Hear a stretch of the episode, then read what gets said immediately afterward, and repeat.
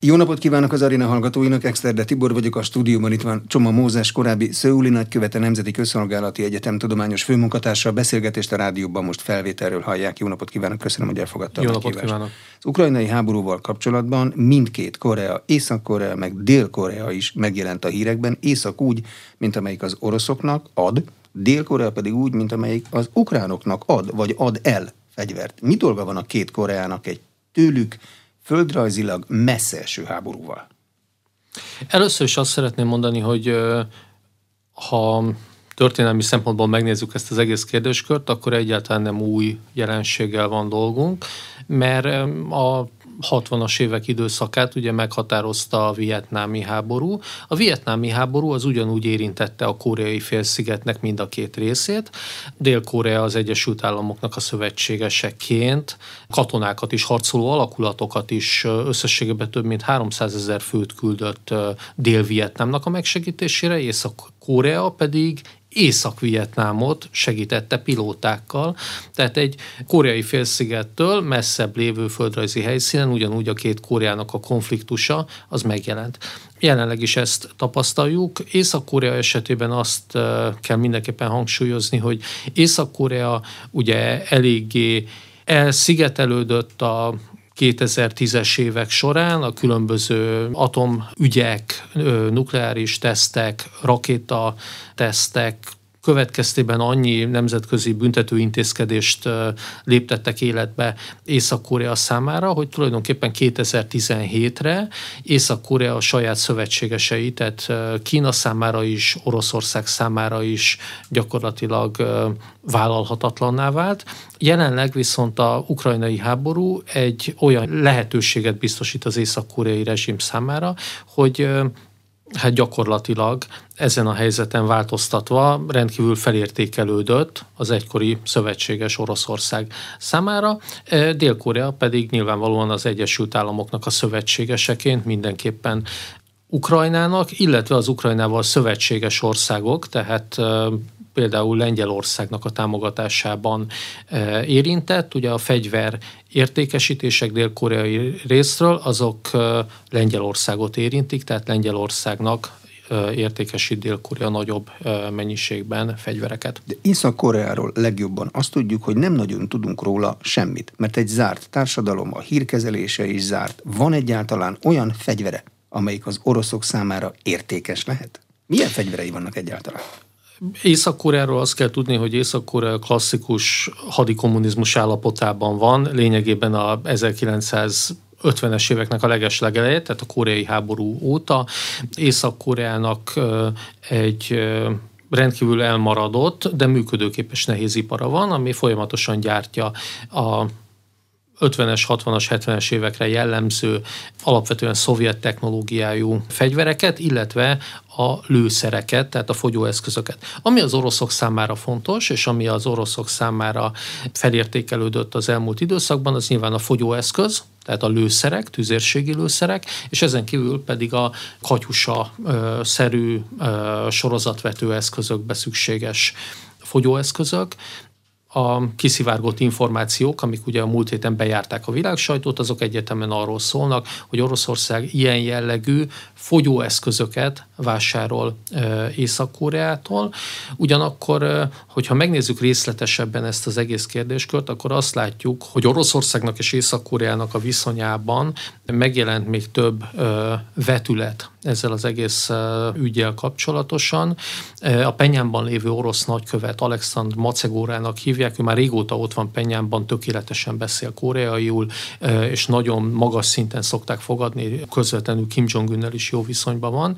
Neki jelent meg ezzel a témakörrel kapcsolatosan az elmúlt hónapok során egy-két nyilatkozata az orosz sajtóban, köztük az Izvesztiában, és meg kell említeni azt, hogy az ő nyilatkozatát ö, olvasva, felvetődött például már annak a lehetősége is, hogy az oroszok úgy képzelik el a kelet-ukrajnai területeknek, elfoglalt területeknek a újjáépítését, hogy esetlegesen észak-koreai munkaerőt, észak-koreai munkásokat szállítanának oda. Kelet-Ukrajnába, az elfoglalt területekre, hogy ők működjenek közre az újjáépítésben. Egyébként annyiban a dolog az nem egy ö, irreális ö, elképzelés, hogy nyilvánvalóan az észak-koreai munkások a helyi munkaerő vagy az orosz munkaerő höz képest hát a költségeknek a tört részéért végeznék el a helyreállítási, a majdani helyreállítási feladatokat. Az látszik-e, hogy a lőszer, tehát a fogyó hadianyagot, azt hogyan szállítják el a frontra? Ha megnézi az ember térképet, a két Korea fölött ott tornyosul Kína, és azért ez elég nagy terület, és csak utána jön Oroszország. Átviszik Kínán, vagy hogy? Ö, Oroszország és Észak-Koreának van egy közös határvonala, egy nagyon kicsi közös határvonala, egy 17 kilométeres közös határvonala. Tengernél? Tehát, igen, igen, igen. Tehát gyakorlatilag Észak-Korea blokkolja azon a területen Kínának a kiutását a keleti tengerre, ami ugye a világtérképeken néha keleti tengerként, néha japán tengerként szerepel. Én szakmai elkötelezettségből mindig a koreai terminust, tehát a keleti tenger elnevezést szoktam használni. A lényeg az, hogy egy 17 kilométeres közös határszakasz van Oroszország és Észak-Korea között. Ezen egy vasúti híd található, ami az első számú összekötési pont Észak-Korea és, és Oroszország között. Ugyanakkor pontosan a COVID miatt, tehát a COVID-nak a következtében 2020-tól a forgalom ezen a határszakaszon le volt zárva, tehát jelenleg kérdéses az, hogy a szállítások azok pontosan mikor történnek meg, illetve hogyan fog majd ö, lezajlani a szállítás Észak-Korea felől, ezen a bizonyos vasúti hídon keresztül át Oroszország területére. Mit kap cserébe Észak-Korea? Lehet erről bármit tudni? Nagy bajban van az ország a világ szankciók miatt. Hogyha megnézzük a Penyáni orosz követségnek a közleményeit, én ugye hivatalból folyamatosan figyeltem, és jelenleg is figyelem ezeket a közleményeket, akkor egyértelműen látszik az, hogy Oroszország az elmúlt időszakban, sőt 2020-ban, amikor a Covid miatti lezárása következtében Észak-Korea nagyon-nagyon nehéz helyzetbe került, több alkalommal is gabonaszállítmányokat juttatott Észak-Koreába. Ezek Legyen a gabona... mit enni bent. Igen, igen, igen. Tehát nyilván Észak-Korea folyamatosan rá van utalva a különböző formában külső segítségekre. Azt kell tudni, hogy ez a ráutaltság, ez nem feltétlenül csak és kizárólag onnan jön, hogy Észak-Koreában elhibázott gazdaságpolitika lenne, meg erőltetett módon foglalkoznak fegyverkezéssel, nehéziparral, stb., mint ami általában a szocialista országokra jellemző, hanem abból is adódik Észak-Koreának a ráutaltsága a külső támogatásra, élelmiszer behozatalra, mert alapvetően, hogyha megnézzük a koreai félszigetnek az egészét, akkor a nagy rizsföldek azok a déli területen vannak. És ezeket a nagy rizsföldeket 1945-ben a kettéosztottság, ami ugye a nagyhatalmak döntése alapján valósult meg, nyilván elvágta a formálódó észak-koreai rezsimtől, tehát Észak-Korea mindig is valami fajta külső támogatásra, külső e, élelmiszer szállításokra rá volt utalva, Visszatérve tehát Oroszország részéről az elmúlt időszakban folyamatosan ö, érkezett ö, élelmiszertámogatás Észak-Korea részére, idén nyáron is érkezett. Ezeket egyébként értelmezhetjük úgy is, hogy Észak-Koreának ezzel köszönte meg Oroszország azt, hogy Észak-Korea elismerte a két szakadár területet, tehát az úgynevezett Luhanszki népköztársaságot, az úgynevezett Donetszki népköztársaságot elismerte önálló entitásként. Egyébként Oroszországon kívül Észak-Korea és Szíria volt azok a országok, akik elismerték ezt a területet. Még egy utolsó dolgot hagy említsek meg ezzel kapcsolatosan. Pont az elmúlt napokban volt olvasható Kim Jong-un észak-koreai vezetőnek a közleménye, mi szerint nem hajlandóak lemondani a nukleáris fegyverekről, és egyértelműen atomhatalomnak tekintik magukat. Én úgy gondolom, hogy ha a jelenlegi tendenciák folytatódnak, Észak-Koreának és Oroszországnak a egymásra utaltsága elvezethet oda, hogy Oroszország lesz az, aki elismeri majd Észak-Koreát atomhatalomként.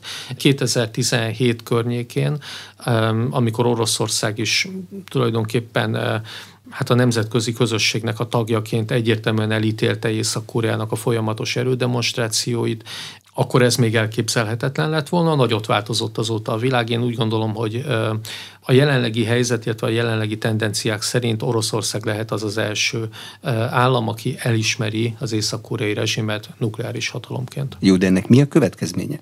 ha Oroszország nukleáris hatalomként ismeri el az észak-koreai rezsimet. Változik Észak-Korea világbeni megítélése? Vagy valami más következménye van?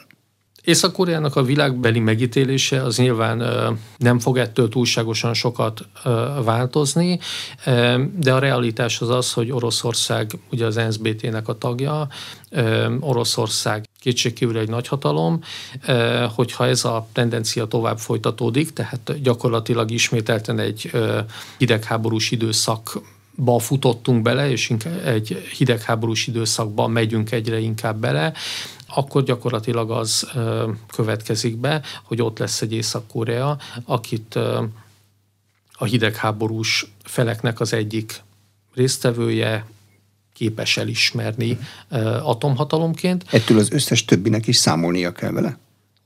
Én úgy gondolom, hogy ez, ez egyfajta szimbolikus legitimációt jelentene az észak-koreai részről. Körülbelül olyan jellegű szimbolikus legitimáció, mint hogy Észak-Korea pedig elismerte ezt a két szakadár területet. Tehát nyilvánvalóan ezektől a dolgoktól túl sok minden nem változik, de, de alapvetően minden jel abba az irányba marad, hogy ahogy a világ különböző irányokba halad, illetve a hidegháborús megosztottság újjászületett, újjáalakul. Az észak-koreai rezsim nagyon-nagyon sok szállal fog ismételten Oroszországhoz kötődni. És még egy fontos dolgot itt ezzel kapcsolatosan megemlítenék. Ugye a Szovjetunió összeomlása óta úgy tekint mindenki Észak-Koreára, hogy Észak-Korea alapvetően a kínai érdekszférába tartozik. Ez most egy picit átalakulóban van, vagy legalábbis árnyaltabbá válik azzal, hogy Észak-Korea ennyire kötődik Oroszországhoz, illetve ilyen típusú kötődések jönnek létre. Érdemes megnézni azt, hogy a 60-as évek, múlt század 60-as éveinek az elejétől kezdve, amikor kialakult a szovjet kínai konfrontáció, a szovjet-kínai szakítás, Észak-Korea nem foglalt egyértelműen állást egyik fél mellett sem, hanem igyekezett kihasználni maximálisan ezt a helyzetet, és kiátszani a szovjeteket, kiátszani a kínaiakat, mind a két féltől besebelni azt maximálisan, amit csak lehet. A koreaiak ennek nagyon nagy mesterei, tehát a koreaiak azért az elmúlt hosszú-hosszú évszázadok során hozzászoktak ahhoz, hogy nagyhatalmak ütköző zónájában hogyan tudnak túlélni. Én úgy gondolom, hogy az ukrajnai helyzet az újonnan megkezdődő, illetve az ismételten kialakuló hidegháborús konfliktus, az egy jó lehetőséget teremt Észak-Koreának arra, hogy ismételten megpróbáljon egyre nagyobb mozgástérrel lavírozni a kínaiak, illetve Oroszország között.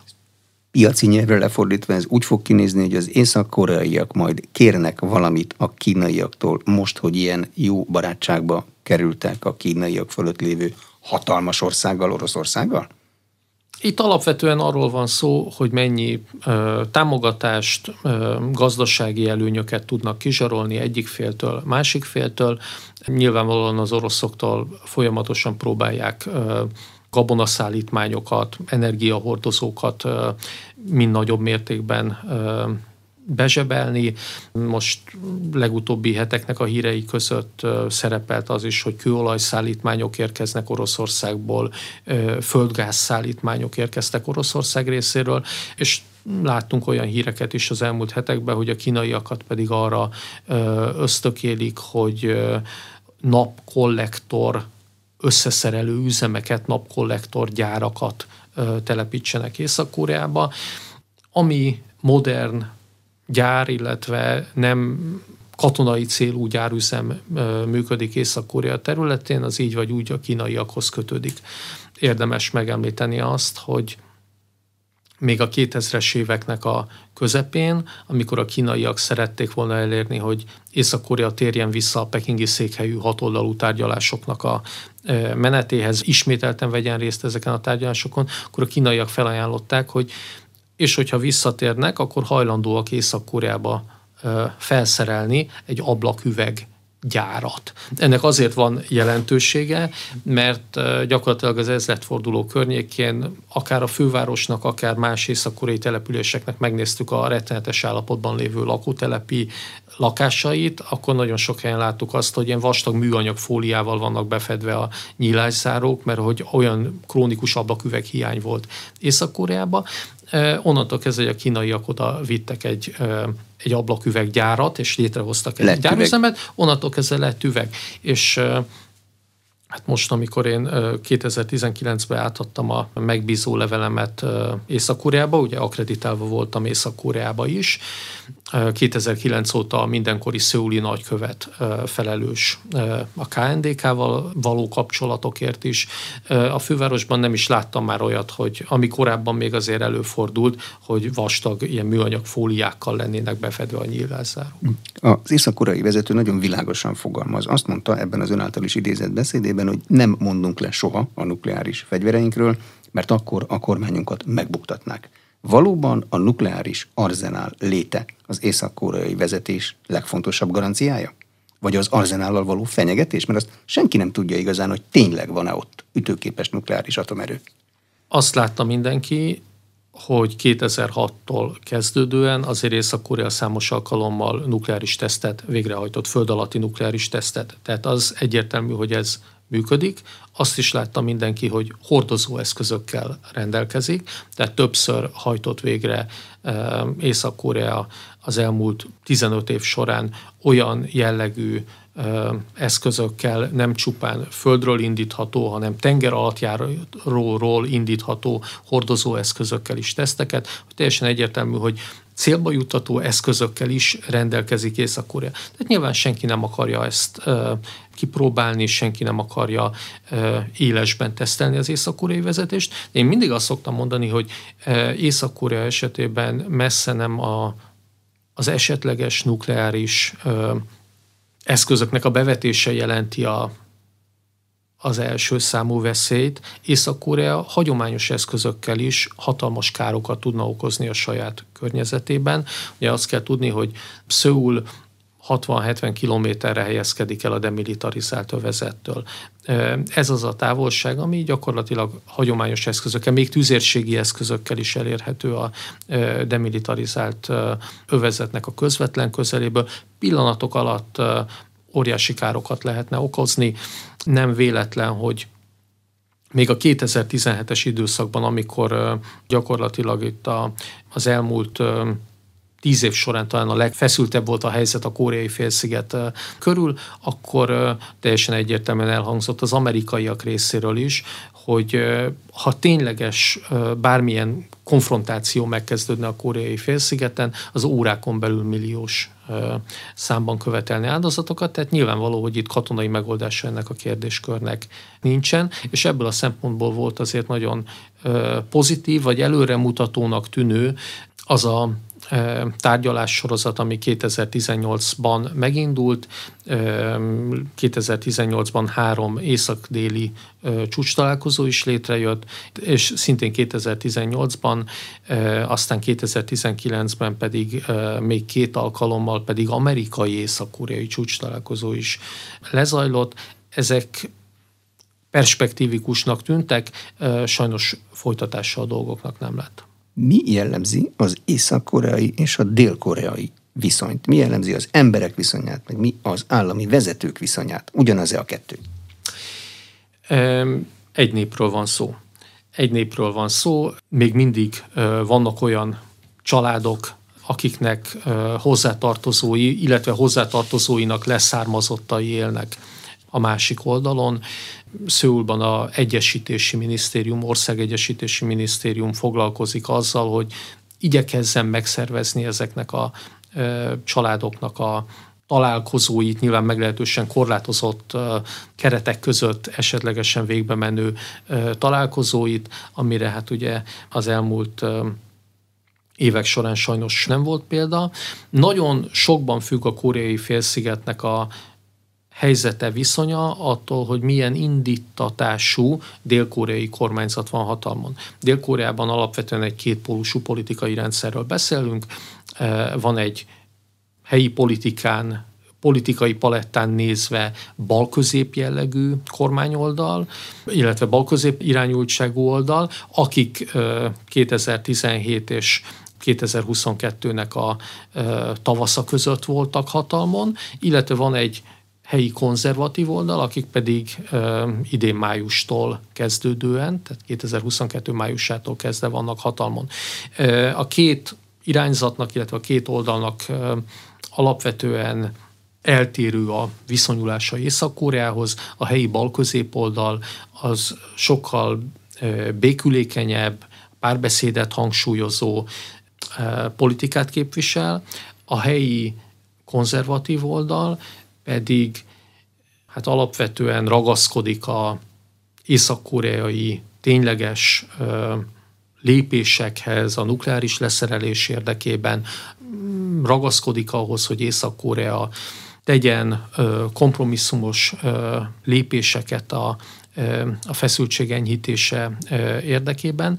Nem véletlen, hogy 2017-ben, tehát amikor a helyi balközépoldal volt hatalmon, illetve hatalomra jutott, akkor gyors lépések történtek annak érdekében, hogy, hogy tényleges párbeszéd kezdődjön meg. Ez ugye 2018-nak az elejétől meg is, meg is kezdődött.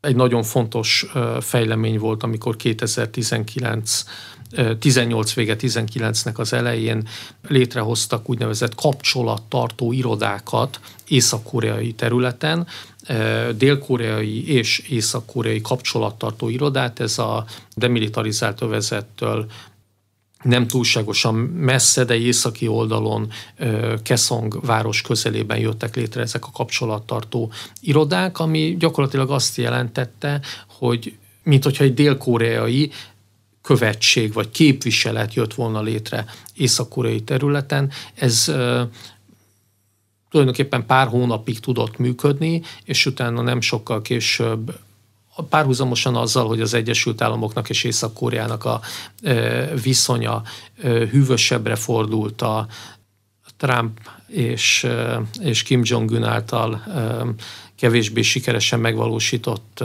Hanoi csúcs találkozót követően ezek a kapcsolattartó irodák, tehát déli északi kapcsolattartó irodák sajnálatos módon el lehetetlenültek. Sőt, aztán 2020-ban az észak-koreaiak demonstrálva a elégedetlenségüket a saját területükön lévő irodákat végül is fel is robbantották. Látványos lehetett. Azt mondta, hogy az észak-koreaiaknak nagy gyakorlatuk van abba, hogy egyensúlyozzanak, és a lehetséges partnereiktől engedményeket csikarjanak ki. Mi Dél-Korea politikája mondjuk Kínával, meg Oroszországgal. Dél-Korea azt tudjuk róla, hogy az Egyesült Államok szövetségese. Ez határozza meg az összes többi kapcsolatát? Én úgy fogalmaznék, hogy ez inkább egy, egy kiinduló pont. Tehát Egyesült Államoknak a alapvető szövetségese, ez egy kiinduló pont a mindenkori dél-koreai kormányzat részére.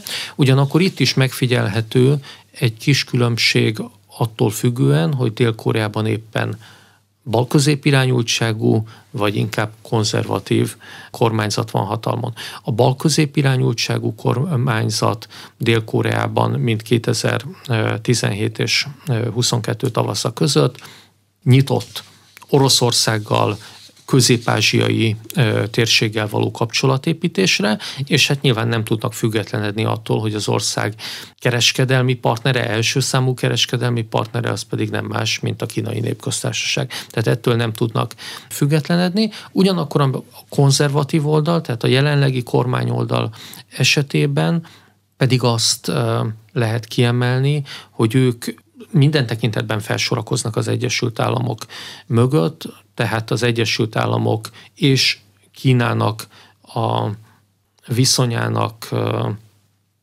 feszülté válása óta ugye egyértelműen az amerikai érdekeket képviselik, nyilván biztonságpolitikai tekintetben is.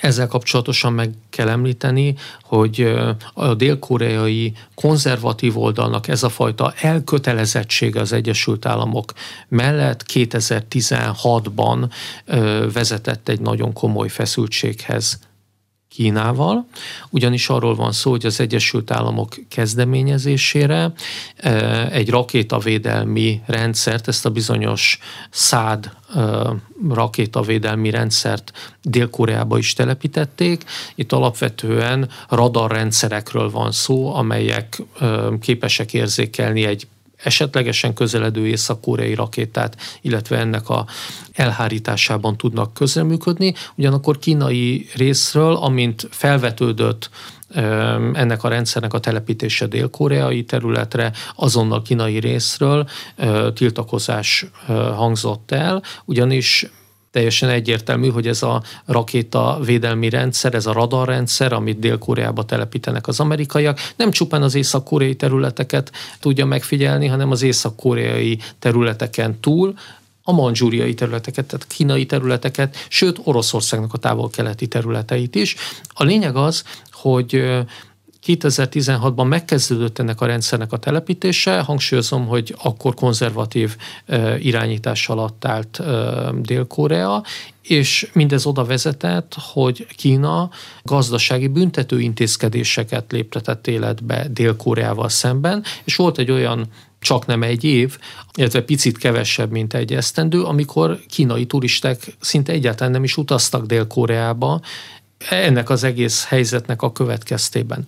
Úgyhogy a mindenkori dél-koreai kormányzat tehát nehéz helyzetben van, Egyesült Államoknak a szövetségesei, ugyanakkor nagyon kell figyelniük Kínának az érzékenységére. Kína ugye kereskedelmi, gazdasági szempontból rendkívül fontos, és hát nyilván fontos partner Oroszország is, ugyanakkor 2022. februárjától kezdődően az előállt új helyzet az természetesen hát egyértelművé teszi, hogy Dél-Korea ellentétben Észak-Koreával abszolút távolságot tart Oroszországgal szemben, és egyértelműen Ukrajna mellett teszi le a voksát. Tajvanról mit mondanak Dél-Koreában?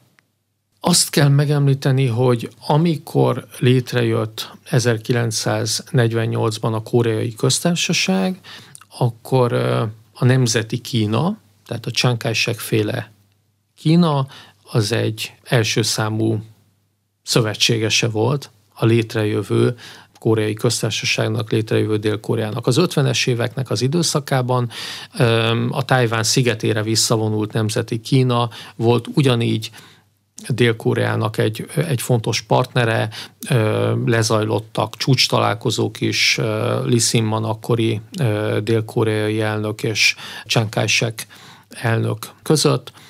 Nyilván a 70-es éveknek a legelején, amikor az amerikai külpolitikában megtörtént ez a bizonyos fordulat, és az Egyesült Államok felvette a kapcsolatot a kínai népköztársasággal, innentől kezdve Dél-Korea is egyfajta változást kellett, hogy, hogy tudomásul vegyen, ugyanakkor a koreai köztársaság és Kína között a hivatalos kapcsolatfelvétel csak pont 30 évvel ezelőtt, tehát 1992-ben történt meg. Innentől kezdve nyilván Kína a kínai népnek a képviselője, a dél-koreai állam számára az nem lehet más, mint maga a kínai népköztársaság. Ugyanakkor hát nyilván gazdasági kapcsolatok továbbra is vannak, és hát biztonságpolitikai szempontból pedig Dél-Korea tartja magát az Egyesült Államok által kívánt, elfogadott kelet-ázsiai biztonságpolitikai rendszerhez. Japán, ami szintén ott van, e, nagyhatalom. Milyen kapcsolata van Észak-Koreával, Dél-Koreával? Mi a viszony? Dél-Korea esetében azt kell megemlíteni, hogy 1965-ben normalizálta Japán és Dél-Korea diplomáciai viszonyt. Ugye meglehetősen nehéz közös múlttal kell, hogy szembenézzen a két ország. A koreai félsziget esetében számos történelmi sérelem kötődik a, a japánokhoz. Megemlíthetünk különböző koraújkori, középkori és koraújkori japán betöréseket, de a legsúlyosabb dolog az a 19. századnak a végétől folyamatosan erősödő japán fenyegetés, ami ugye oda vezetett, hogy 1905-ben Japán protektorátus lett a koreai félsziget, 1910-ben pedig a félsziget elvesztve önálló államiságát a japán birodalomnak a gyarmata lett. Ezt az időszakot, tehát a 10-től 1945-ig tartó 35 éves időszakot a koreaiak a történelmük mélypontjának tekintik, és hát számos sérelmet sorolnak fel. A kényszermunkára hurcolástól kezdődően természeti kincseknek a kiaknázása, illetve hát a koreai nyelvnek a használatának a korlátozásaig, tehát számos sérelmet tudnak megemlíteni. 1965-ben tehát Dél-Korea normalizálta a viszonyát Japánnal, és az Egyesült Államok részéről tulajdonképpen egy állandó és mindenkori célkitűzés az, hogy a távol-keleti amerikai szövetségi rendszernek a két bástyája, Dél-Korea és Japán között jó legyen a reláció. Ez ugyanakkor meglehetősen nehézkes, pontosan a történelmi sérelmeknek a következtében. Egyébként a történelmi sérelmekhez való viszonyulás is nagyban függ attól, hogy éppen Dél-Koreában milyen indítatású kormányzat van hatalmon, amikor balközép irányultságú vezetés van uralmon Szöulban, akkor általában ezek a történelmi sérelmek erőteljesebben kerülnek a felszínre, gyakrabban szerepelnek a hírekben. Ilyen volt a 2017, illetve az idei év tavasza közti időszak, és amikor pedig konzervatív kormányzat van hatalmon Dél-Koreában, akkor általában kevésbé élesen jelennek meg ezek a bizonyos történelmi sérelmek. Észak-Koreának a nukleáris tevékenysége, Észak-Koreának a rakétatesztjei, azok nyilván a Japán szigetekre is állandó fenyegetést jelentenek. Ugye Japán, mint a nukleáris támadásoknak a az elszenvedője, második világháború végén lezajlott két nukleáris támadásnak az elszenvedője, hát valóságos fóbiában szenved az ilyen jellegű tevékenységektől.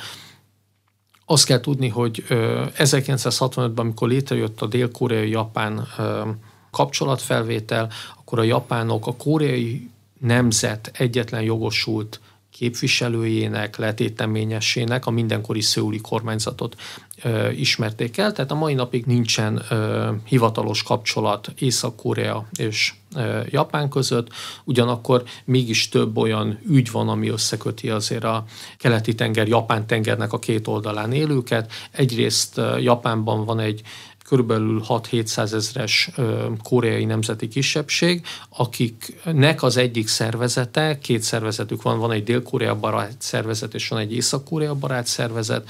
Az Észak-Korea barát szervezetet Chongnonnak nevezik, és ők a mai napig ezer szálon kapcsolatba állnak az észak-koreai rezsimmel, sőt különböző csatornákon keresztül pénzjuttatások is zajlottak egészen addig, amíg ezeket el nem lehetetlenítették a, az elmúlt évek során.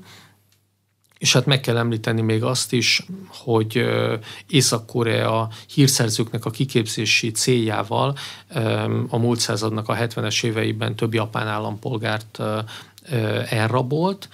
Ez az ügy, illetve ennek az ügynek a rendezetlensége szintén a mai napig egy fontos feszültséget jelent, feszültséget hordoz a két terület, tehát Észak-Korea, illetve a japán államnak a viszonyában.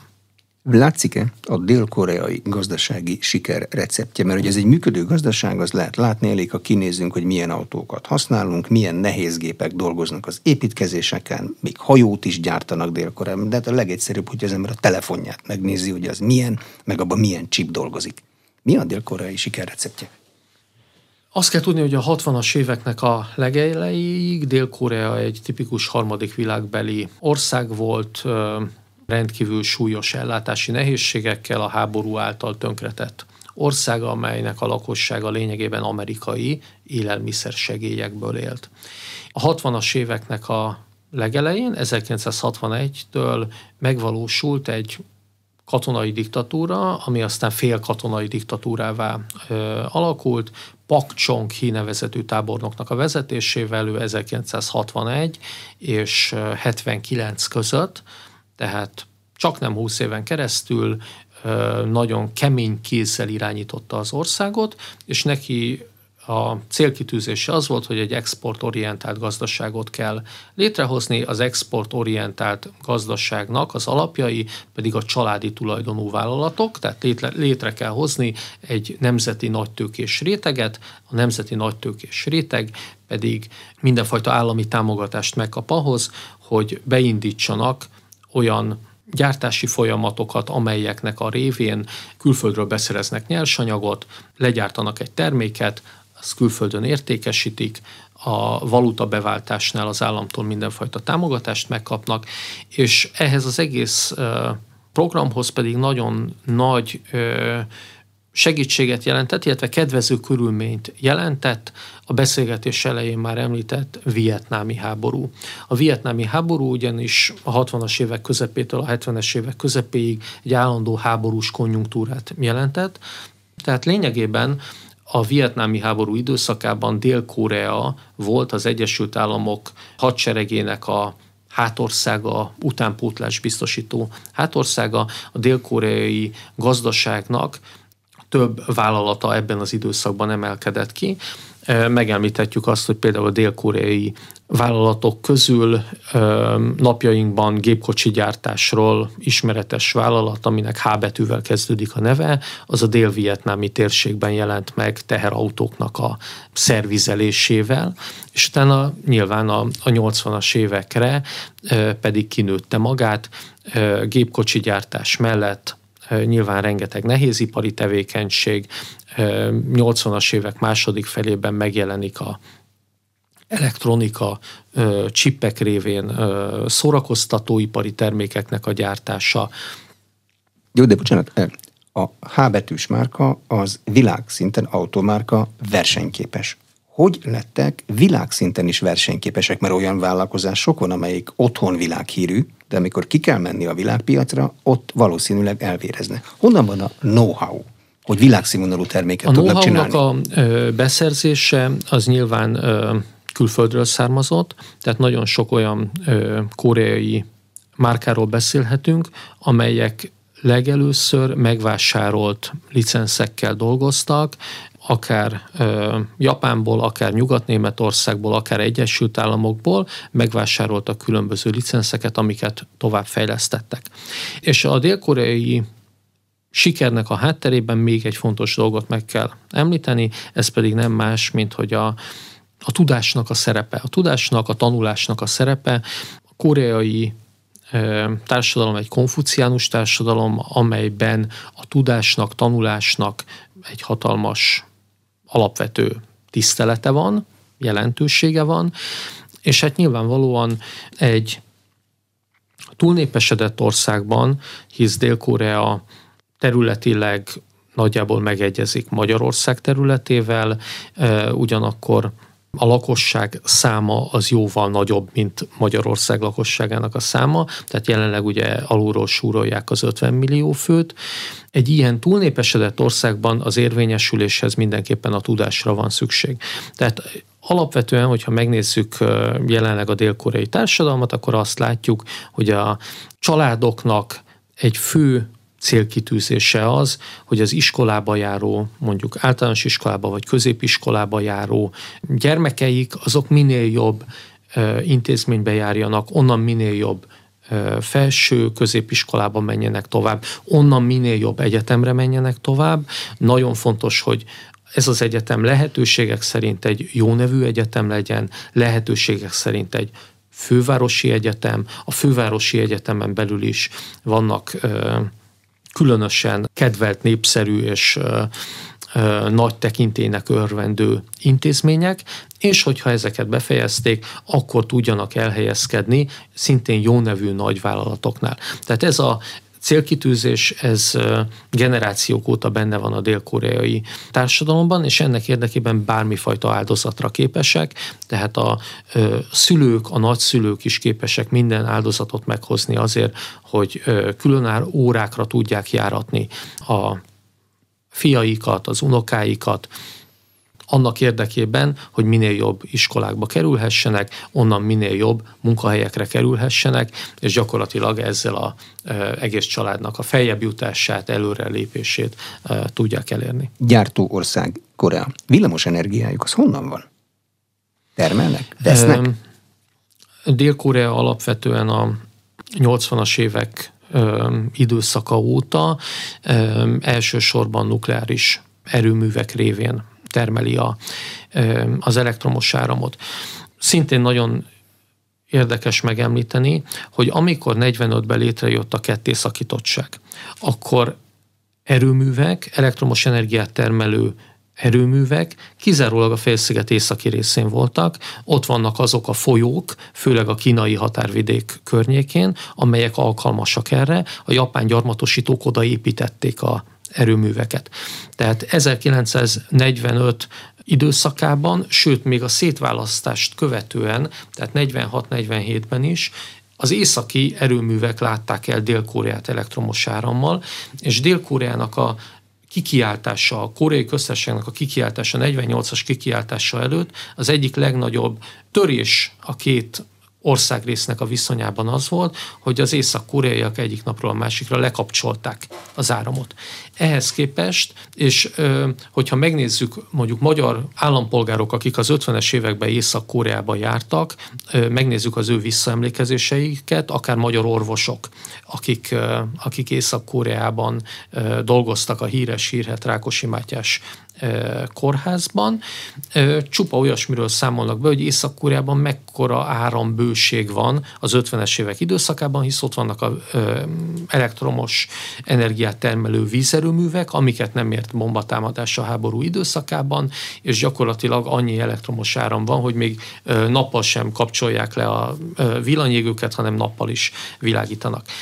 Dél-Koreában nyilván hatalmas hiány volt elektromos energiában, az Egyesült Államok által biztosított generátorok, nyilván benzingenerátorok működtek az első időszakban, utána később pedig megkezdték a, az erőműveknek az építését. Napjainkban több mint 20 dél-koreai nukleáris erőműről beszélhetünk, ugyanakkor, hogyha már energiáról beszélünk, megemlíthetjük azt is, hogy Dél-Korea rendkívül nagy mértékben függ a szénhidrogénektől is. Ugye koreai félszigeten szénhidrogén egyáltalán nincsen, tehát tankereken keresztül hozzák be, közel-keleti térségből cseppfolyósított földgáz, amivel működnek a városi autóbuszoknak a nagy része is, taxik is cseppfolyósított földgázzal, tehát autógázzal ö, működnek felvetődött a 2000-es évek